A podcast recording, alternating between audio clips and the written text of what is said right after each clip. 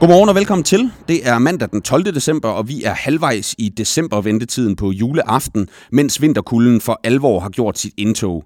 Ugen den er til gengæld kun lige begyndt, og vi lægger ud med et overblik over de vigtigste historier fra inden- og udenlandske erhvervsmedier, der blandt andet byder på en priskrig, politiske kovendinger, en korruptionsskandale og fornyet investortillid til økonomien. Jeg hedder Frederik Vincent. Velkommen til Morgenbriefing.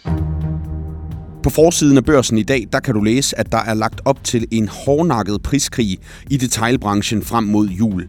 Julemånederne er hvert år afgørende for danske detailhandlers årsomsætning, men højtiden synes i år at være ganske særlig. For flere virksomheder og forretninger skal have sikret sig likviditet, som er bundet i propfyldte varelager, og derfor må der nu sælges ud.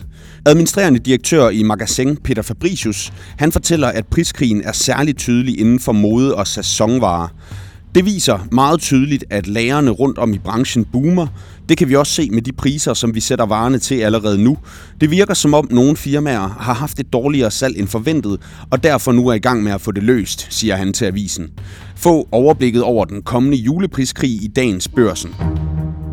Og så har vi en rettelse i forhold til morgenbriefingen i torsdags den 8. december. Det handler om legetøjsgrossisten Maki, der blandt andet forhandler Barbie-dukken. I briefingen der bliver der sagt, at meget tyder på, at der kommer til at ligge færre Barbie-dukker under juletræet. Det er ikke korrekt. Det er korrekt, at salget svigter vækstforventningerne i virksomheden, men selskabet er stadig i vækst, hvilket altså peger på, at der kommer til at ligge flere Barbie-dukker under træet, om end det er færre, end selskabet havde forventet. Børsen beklager fejlen. På Finans forside i dag kan du læse, at tech-iværksættere beskylder staten for unfair konkurrence og for at ødelægge et spirende eksporteventyr. En række tech-virksomheder fortæller til Finans, at den offentlige sektor bruger unødigt mange penge på at udvikle apps, der konkurrerer med de private iværksætteres løsninger, uden at levere samme antal funktioner. Det skaber unfair konkurrence, mener blandt andet administrerende direktør i selskabet Family, der havde udviklet en app til vuggestuer og børnehaver. Men da staten selv lancerede appen Aula, så blev Families muligheder for at sælge til offentlige kunder i Danmark helt udraderet, på trods af, at Aula var langt dyrere at udvikle, og ifølge direktøren har færre funktioner, skriver mediet. Erhvervsstyrelsen oplyser til Finans, at man hilser private værktøjer velkommen og arbejder for at understøtte danske iværksætteres udvikling på området.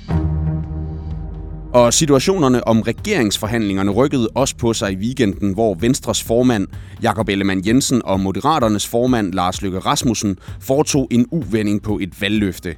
Søndag der meldte begge partiformændene ud, at de ikke længere stiller krav om en advokatundersøgelse af Mette Frederiksens rolle i minksagen, hvor det danske minkerhverv blev lukket. Under valgkampen lød det ellers fra Lykke, at undersøgelsen ville være et værdigt punktum i sagen, men søndag der var meldingen, at man ikke kan starte et regeringssamarbejde med en juridisk undersøgelse af statsministeren. Det er Ellemann enig i, og Venstreformanden erkender samtidig, at der er tale om et løftebrud. Læs meget mere om regeringsforhandlingerne og reaktionerne på den politiske uvending på borsen.dk.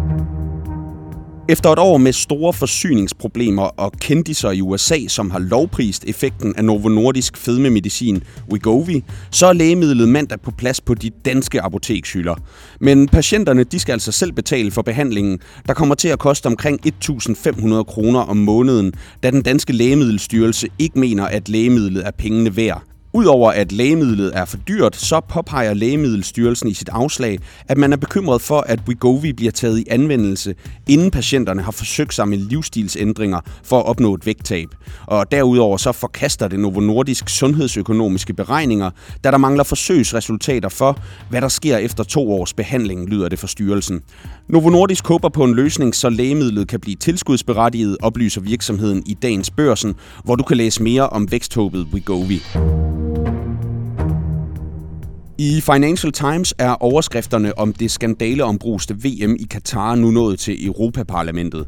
Belgiens politi har beslaglagt, hvad der svarer til mere end 4,4 millioner kroner i kontanter, og tilbageholdt to parlamentsmedlemmer som del i en international efterforskning af beskyldninger om, at værtslandet for VM i fodbold, Katar, skulle have forsøgt at købe sig til indflydelse i EU, skriver mediet. Søndag der sigtede en belgisk dommer fire unavngivende personer for at deltage i, hvad der kaldes en kriminel organisation, hvidvask og korruption, efter flere anholdelser og rensagninger af huse over weekenden. Flere prominente både nuværende og tidligere EU-profiler har beskrevet sigtelserne og sagen i det hele taget som chokerende, mens en afstemning om at give statsborgere i Katar visafri rejsetilladelse til bloklandene er blevet udskudt, står der altså hos Financial Times. Mere positivt så er der tegn på, at investorer i stigende grad tror på en blød landing til økonomien, skriver Wall Street Journal. Flere og flere investeringsforeninger og hedgefonde de begynder at sætte penge i aktier, der står til at stige, hvis inflationen bremser op og renterne falder, skriver mediet.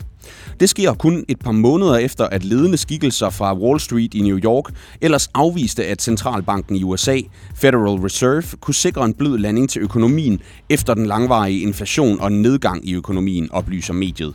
Udviklingerne sker i tråd med forventningerne til onsdagens rentemøde, hvor den amerikanske centralbankchef Jerome Powell forventes at annoncere en rentestigning på 50 basispoint, hvilket er lavere end de 75 basispoint, renten er blevet hævet de foregående møder, skriver skriver Wall Street Journal. Efter en nedgangsuge på de amerikanske aktiemarkeder, så endte de ledende aktieindeks i USA også i rødt fredag.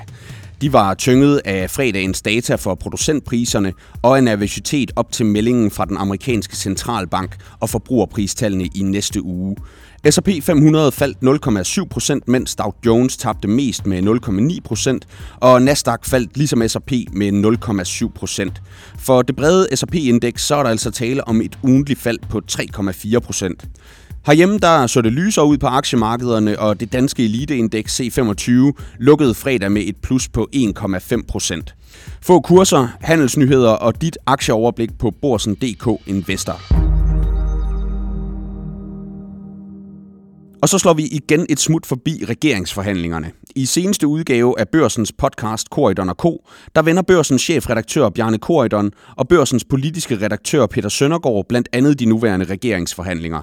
Hør her Børsens politiske redaktør Peter Søndergaard fortælle, hvorfor der måske kan være noget om snakken, når Venstreformand Jakob Ellemann Jensen vurderer, at en midterregering kan føre mere borgerlig politik, end en reel borgerlig regering kunne. Det er jo rigtigt, at den sidste gang, øh, vi havde en borgerlig regering, det var først øh, en V, og så en V-lak regering, mm. og det skulle man jo ellers tro, at Venstre, Liberale Alliance og de konservative, det var jo, altså, det var jo meget borgerligt. Det var jo også dengang, Venstre havde virkelig, virkelig mange øh, reformforslag på, på hylderne, og de konservative Liberale Alliance, de var jo også klar til at, at gå øh, reform amok. Øh, men det mm. lykkedes jo ikke. De havde jo et reformmål på 55-60.000 personer i øget arbejdsudbud ja. i, i den regering, og, og de endte på 4.000 eller sådan noget ja, den stil. det blev til cirka ingenting. Øh, så det er cirka nærmest det kan du runde ned til nul nærmest, ja, ikke også? Ja, præcis. Øh, så, så, så på den måde er der jo en pointe i, at en borgerlig regering ikke per definition betyder, at der bliver ført borgerlig politik. På det tidspunkt var det jo så især Dansk Folkeparti, der, der, der blokerede for det,